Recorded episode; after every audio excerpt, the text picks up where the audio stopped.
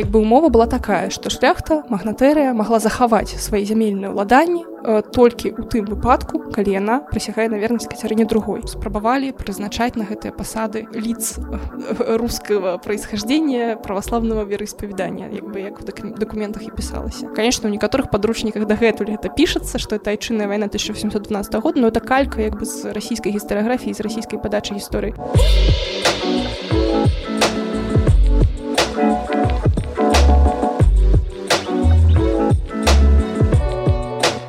Добрый дзень шаноўнае спадарства з вами падкаст так склалася гістарычна і я дзягельганна рада вас вітаць на нашым чарговым выпуску на наших чарговых аўдыахвалях і ў гасцях у нас сёння татяна даўгач. Добрый дзень татяна кандыдат гістарычных навук навуковец выкладчык экскурсавод папулярызатар навукі. І сёння мы з ёй паговорым пра беларускія землі у складзе расійскай імперыі. Татяна скажитеце-ка ласка як так так атрымалася што беларускія землі землі сучаснай беларусі аказаліся ў складзе расійскай імперыі. Напэўна не скажу новага э, нічога ў тым сэнсе што беларускія землі аказаліся ў складзе расійскай імперыі падчас падзелу рэчы паспалітай. Э, гэта вядомы факт але можа быць мы так не заўсёды задумваемся як гэта ўсё адбывалася тому што працэдура была па-першае балючай так па-другое канешне гісторыкам сёння вельмі цікава гэта вывучаць гэтым займацца таму што як вы ведаеце паміж першым падзелам другім і трэцім быў досыць такі вялікі вялікі перапынак у 20 год. 1772 годзе адбыўся першы падзел частка беларускіх земляў увайшла ў склад расійскай імперыі і там ужо пачалі адбывацца першыя змены так то бок гэта частка апынулася ў прынцыпова новай для сябе канешне сітуацыі зразумела што палітычная сітуацыя ў рэчы паспалітай так яна вельмі моцна адрознілася ад таго што адбывалася ў расійскай імперыі. Так то бок калі у рэчы паспалітай можна было шляхце выбраць караля і не падпарадкоўвацца яму потым напрыклад так то расійская расійская імперыя канешне гэта такое самадзяржавная манархія зразумела. Вельмі шмат чаго залежыць ад волі самого монарха ліберал ён напрыклад ці кансерватар так ад яго нейкіх асабістых якасцяў і гэтак далей. Гэта канешне прынцыпова новая з'ява. На тэрыторыі далучанай падчас першага падзелу ўжо пачало ўводзіцца новае адміністрацыйна-тэрытарыальнае аддзяленне. Былі абвешчаны дзве губерніі пскоўская і магілёўская на той момант. Цэнтрам пскоўскай губерніі дарэчы спачатку стаў такі абсалютна невялікі гарадок апочка зараз яго можа ведаюць тыя хто падарожнічае ну санкт-петербург яны прыязджаюць звычайна праз апочку э, ведаюць что это невялікі зусім гарадок Ну і пазней сапраўды было прынята рашэнне перанесці цэнтру губернію у полацк Ну ўжо пазней насамрэч вельмі хутка так змянілася зноў жа гэта сітуацыя насамрэч тут напэўна нават і не варта так паглыбляцца ў гэта так як тут гэтыя межы адміністрацыйна-тэрытарыальных новых адзінак усталёўваліся таму што па сутнасці яны змяняліся досыць часта. Ну і калі казаць ужо правусь канчатковае фарміраванне усіх адзінак улічваючы там воласці так то гэта ўжо толькі другая палова 19 стагоддзя па сутнасці так то бок это ўсё вельмі доўга напружана змянялася было звязана ў тым ліку з нейкімі ўнутранымі рэформамі адміністрацыйнай сістэмы ў самой расійскай імперыі то бок ну мы просто попали як бы у гэту новую сітуацыю. Тут адбылася вось зноў жа паміж першымі другім падзелам вельмі цікавая сітуацыя з нашай шляхтай. Таму што рэч паспалітая пасля першага падзелу зразумела яшчэ працягвала існаваць так? І некаторыя нашы знакамітыя людзі шляхцічы магнаты яны працягвалі займаць пасады засады менавіта ў рэчы паспалітай. Але пры гэтым яны былі землеўладальнікамі на тых землях якія ўвайшлі ў склад расійскай імперыі. І вось уявіце сабе сітуацыю што яны сваіх гэтых земляў пачалі канешне пазбаўляцца якімсьці чынам. Ну як пазбаўляцца у іх пачалі іх секвестраваць. Яны не маглі па сваёй пасадзе прысягнуць на вернасць так іншаму монарху а як бы умова была такая што шляхта магнатэрыя магла захаваць свае зямельныя ўладанні толькі ў тым выпадку калі яна прысягае на вернасць кацярыне другой. Ну зразумела што яны канешне пачалі сваю гаспадарку ад адтуль выводзіць так але вось факт застаецца фактам что это такая вельмі ну складаная сітуацыя так у якой апынулася наша шляхта на той момант. Насамрэч звычайна мы кажам пра шляхту увогуле прапануючую саслоўя забываемся як бы про такога маленькага чалавека так а як тут вось было сялянам і гэтак далей. Ёсць вельмі цікавыя звесткі насамрэч зноў жа што адбывалася паміж гэтымі падзеламі да першым другім. Ёсць звесткі пра такіх перабежчыкаў сялян напрыклад. Праўда звесткі ведаеце з такога вельмі спецыфічнага дакументу напрыклад маюцца. Так гэта ліст кіраўніка маёнтка дакументка хрыбтовічаў які піша што каля 30 тысяч сялян з тэрыторыі далучанай да расійскай імперыі як бы збегла зноў у рэч паспалітую таму што ну не вытрымалі панскага гнёта збеглі да, збеглі ў Польшу так так так вось. Ну як бы у Польшу так у двух косі канешне мы так. разумеем вось збеглі. Канешне зноў жа я кажу што гэта ліст вот такі эго дакумент мы mm -hmm. разумеем што все гэтыя дакументы такога асабістага паходжання яны вельмі спецыфікай сваю валодаюць то бок яны можа ілюструюць нават больш нейкае меркаванне чалавека. Чалавек кожны чалавек можа памыляцца можа нешта перабольшваць а можа наадварот змяншаць зразумела што мы не можам арыентавацца на гэта ну, і праверыць мы гэта не можем. Не ну у прынцыпе верыфікацыю любы дакумент варты праводзіць эту верыфікацыю але на жаль не можам мы гэта вось ну то бок можа быть яшчэ сітуацыя не так кантралявалася так бы расійскімі ўладамі але про тое что дезерціры будем так казаць былі меліся это факт. Ну уже варта сказаць что і з іншага боку таксама назіралася падобная сітуацыя напрыклад там дробная шляхта зноў жа такія ну бедныя слоі насельніцтва так яны спрабавалі перабрацца наадварот на далучаныя тэрыторыі да расійскай імперіі і тут мы гэта ведаем ужо з такой справаводчай дакументацыі іх было значна менш будзем казаць каля там 1400 чалавек. Але вось там не менш яны маглі ўжо на тэрыторыі расійскай імперыі запісацца ў нейкія там саслоўі. Ну хтосьці там была мелкая дробная шляхта як я казала так былі у большай ступені конечно сяляне. Вось з гэтых 1400 это 900 чалавек это былі менавіта сяляне. Это былі мяшчане і як бы іншыя слоі насельніцтва ну вось яны таксама траплялі ў новую сітуацыю вось так. А ад канфесіі гэта залежала? Ну насамрэч вось на жаль няма інфармацыі то бок мы можемм канешне экстрапаляваць свае ўяўленні пра увогуле гісторыю расійскай імперыі вось на гэту сітуацыю і сказаць што ну вось тут напэўна праваслаўныя так яны беглі туды. Ну можна так думаць але э, мы не можемм сказаць гэта вось па дакументах тому што на жаль не захавалася то вось столькі-то збегла каталікоў столькі-то праваслаўных столькі там грэка-каталікоў. Такой інфармацыі няма вось зразумела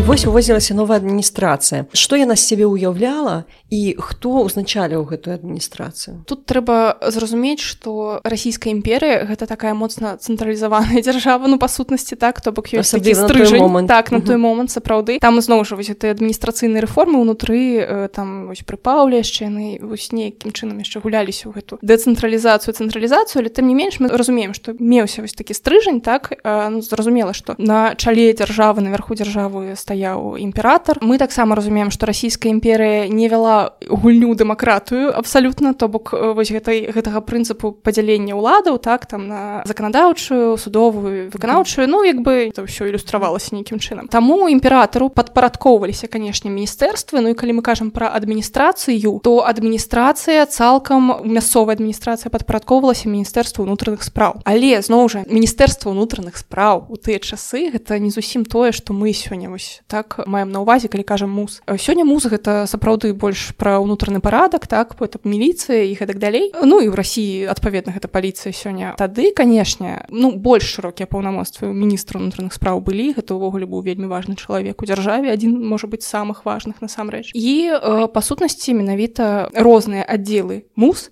кантралявалі мясцовыя улады напрыклад губернатары у нас уводзілася пасада такая новая так э, для нас яны падпарадковались муз так зноў жа нейкія камісіі яны падпарадкоўваліся як правіла мус ну канешне калі гэта былі нейкія фінансавыя органы то там былі свае асаблівасці але калі мы кажам вось пра адміністрацыю это ўсё у сістэме міністэрства унутраных спраў А скажитеце калі ласка хто прызначаўся вось на гэтай новай пасады? Увогуле упісвалася ці мясцовая эліта яна нейкім чынам вось гэтую вертыкаль улады? Ну насамрэч тут варта адзначыць што ў гэтым пытанні увогуле вось 19 стагоддзя нельга разглядаць як нешта такое аднароднае Таму што канешне пасля некаторых таких палітычных выбухаў якія у нас адбываліся сітуацыя могла змяняцца яна змянялася першай палове 19 стагоддзя увогуле вось пасля далучэння у прынцыпе можна казаць што расійская імперыя ўлады расійскай імперы вялі такую гульню то бок гульня за лаяльнасць я б сказала напэўна так да асабліва перад мясцовымі гэтымі земляў уладальнікамі так. То багатыя людзі яны дарэчы вось у сваёй асноўнай масе каталікі таму напрыклад у першай палове 19 стагоддзя там вось падчас уваходжання беларускіх зямель у склад расійскай імперыі імперыі нейкай такой антыкаталіцкай палітыкі не праводзілася ну сапраўды была спроба дамовіцца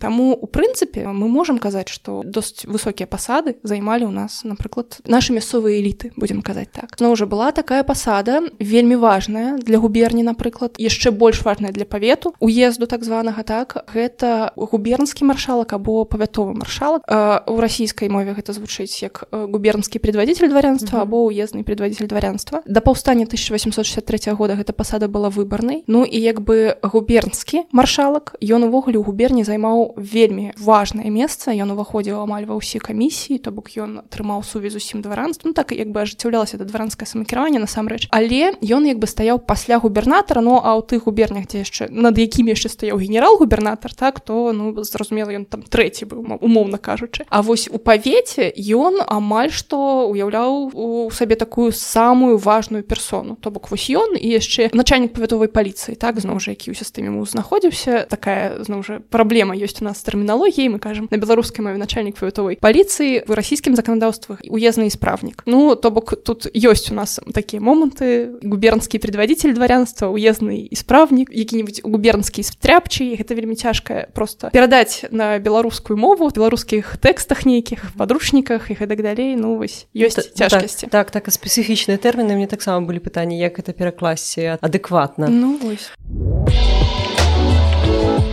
Такім чынам першапачаткова памеж меры вось у пачатку пасля далучэння першага другога трэцяга. Все ж такі нейкім чынам уключалася мясцовае двараства яна займала вось некаторыя пасады. Вось сама адміністрацыйная пабудова яна ну можа тут трэба сказаць коль што было да і што адбылося пасля. Ці моцна яна вось адрознівалася як бы по структуры? Ну канешне яна адрознівалася моцна. На я скажу так канцэптуальна адрознілася таму што зноў жа рэч паспаліта гэта просто зусім іншая дзяржава па сваім э, ну палітычным ладзе уладзе будзем казаць так то бок кароль э, рэчы паспаліты ён не роўны імператору цяжка правесці паміж імі нейкія паралелі так тому что у іх прынцыпова розныя набор нейкіх функцый будзем казаць так. Зноў жа это не просто змена назваў так умоўна кажучы так. Гэта менавіта змена пасад змена кампетэнцыі змена ўсяго і змена ступені падпарадкавання ну самадзержцу у дадзеным э, выпадку так. То бок это канешне іншая модель зусім іншая модель. Тут варта адзначыць што на беларускіх землях так якія былі далучаны да расійскай імперіі і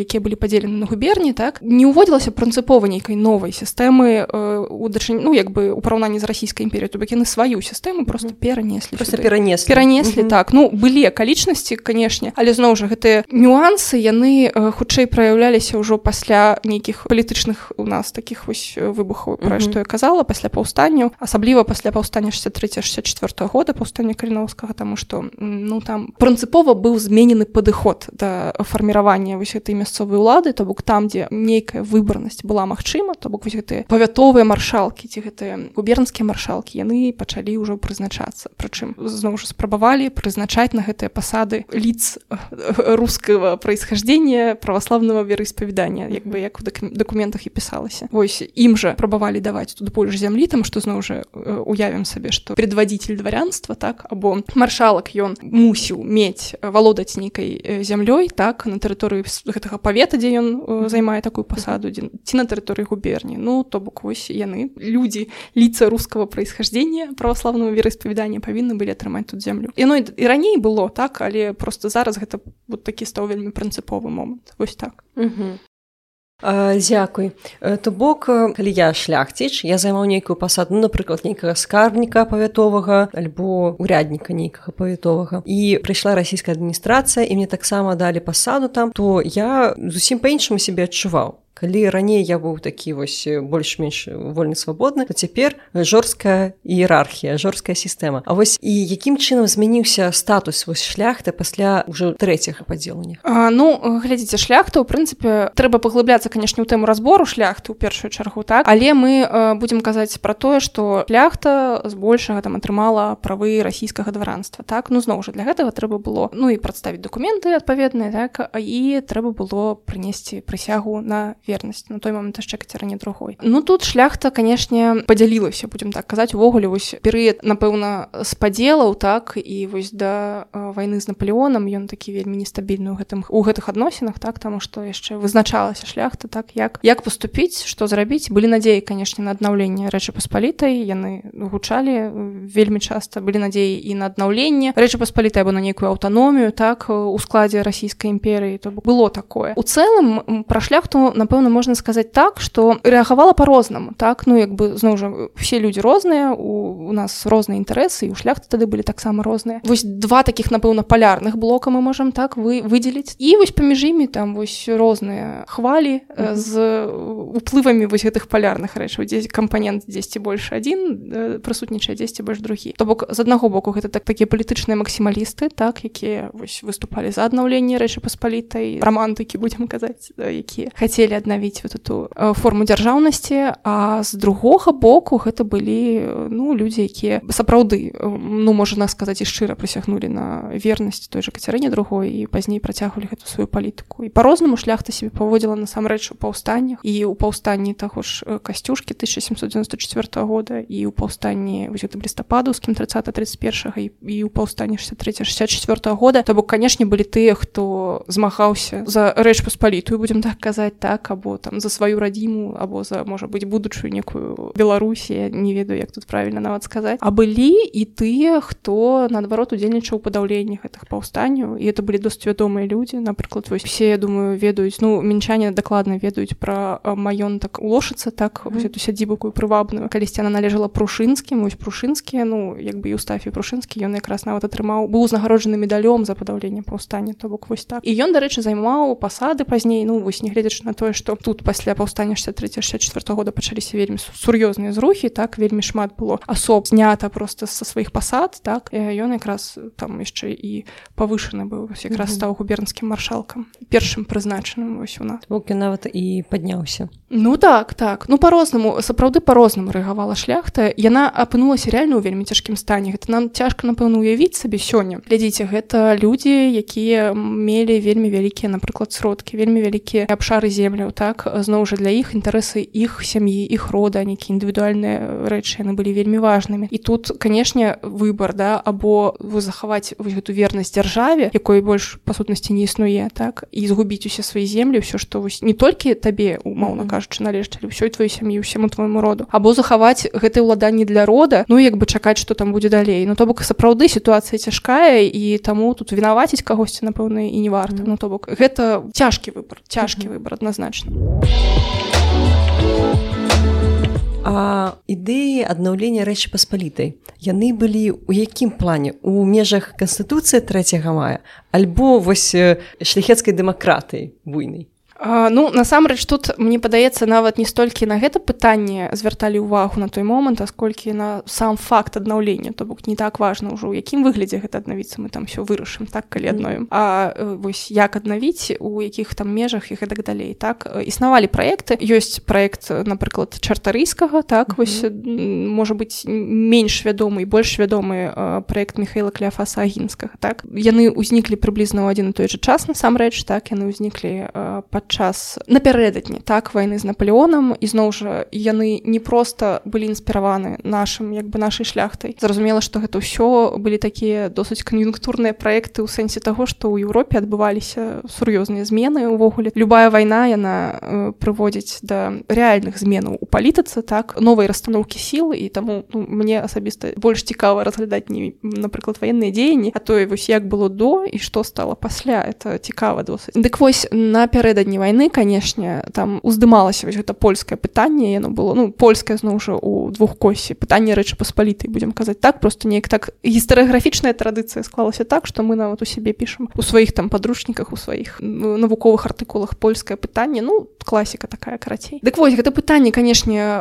уздымалася так былі там такія супярэчнасці паміж той жа расійскай імперыі і прусіі якія дзялілі яшчэ не так даўно рэч паспаліту паміж сабой і вядома што адна част казалася апынулася ў ў расійскай імперыі іншую прусі яшчэ кавалак у Аўстрыі як вядома але як бы вось былі праекты аднавіць хаця б у межах расійскай імперыі гэтыя тэрыторыі рэчы паспалітай так вот чартарыйская праект ён якраз тычыўся нічага такога вось. Як мінімум яны аказаліся у складзе адной дзяржавы каб яны не былі падзеленыя. І э, ну тады ўжо запатрабаваць аўтаноміі так каб расійскі імператор быў яшчэ як ну, як польскі кароль ці кароль рэчы паспалітай так. Ну і тады зноў жа это напэўна паўплывала б на лаяльнасць насельніцтва мясцовага больш для нас блізкі ага. напэўна прычым блізкі з розных бакоў тому что михаил кляфас агінскі ён доўгі час пражыў на тэрыторыі беларусі так у нас у залесе і ён звязаны з беларусю і зноў жа ён прапанаваў праект напэўна больш прывабны для нашай менавіта мясцовай шляхты. Аднаўлення вялікага княства літоўскага проект аўтаноміі вялікага княства літоўскага. Зноў жа яго мэтай было павысіць лаяльнасць мясцовага насельніцтва тому что як вядома наполеон ну таксама победаносны такі за захватчык так? Mm -hmm. але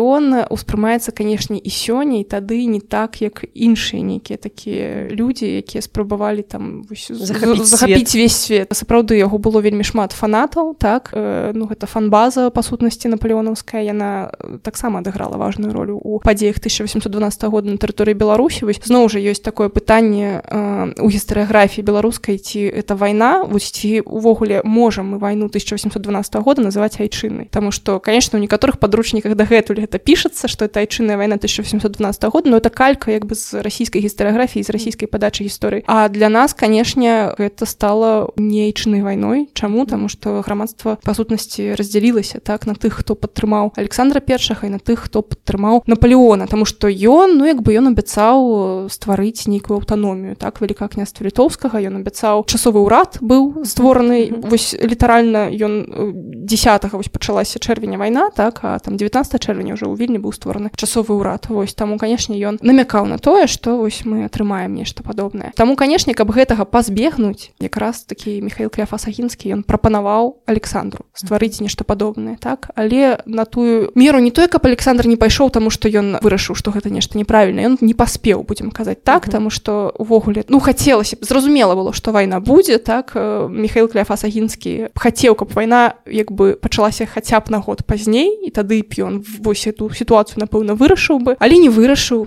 і вось скончылася ўсё тым што эта аўтаномія не была прынятая проекта гінскага ён так застаўся праектам і вось глядзіце што атрымалася пасля таго як вайна скончылася адпала неабходнасць mm -hmm. у гэтым то бок ужо лаяльнасць ну не патрэбна не, па, не патрэбна ну не той каб не патрэбна насамрэч зноў жа падзеі пасляваенныя яны таксама сведчаць пра тое што расійскі ўрад не закручваў як бы гайкі кажуць mm -hmm. так таму што зноў жа замест таго вось кутузаў дарэчы так ён прапановаў усе землі усе маёнткі тых людзей якія пайшлі за наполеонам канфіскаваць і раздаць вось нейкім расійскім падданым ну менавіта асобам рускага паходжання але александр сказаў што не. Ну вось мы прабачым тых хто так зрабіў але пры умове што яны прынясуць прысягу на вернасць. Вернуцца прынесуць вернуцца так, так так так вось менавіта так. То бок гэта таксама сведчанне таго што не тое каб лаяльнасць расійскай імперыі ну лаяльнасць мясцовай шляхты не патрэбна была уладзе расійскай імперіі не патрэбна была канешне таму што ну зразумела мець такую выбуховую акраіну да ўскраіну імперыі або мець нейкі спакойны рэгіён гэта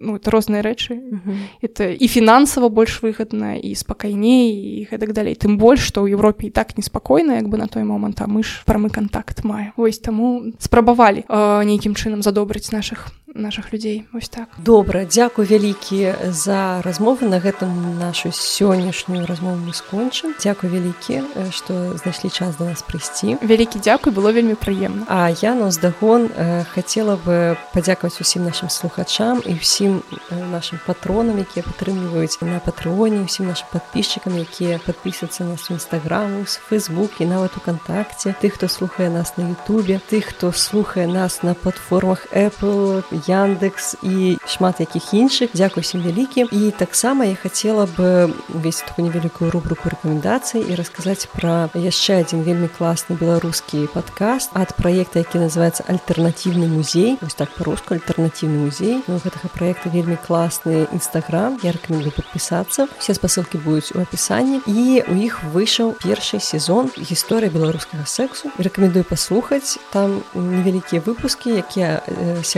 сягаюць ад фальклорных сюжэтаў да два стагоддзя. На гэтым усё. Дзякуй вялікі. Сустрэнемся наступным разам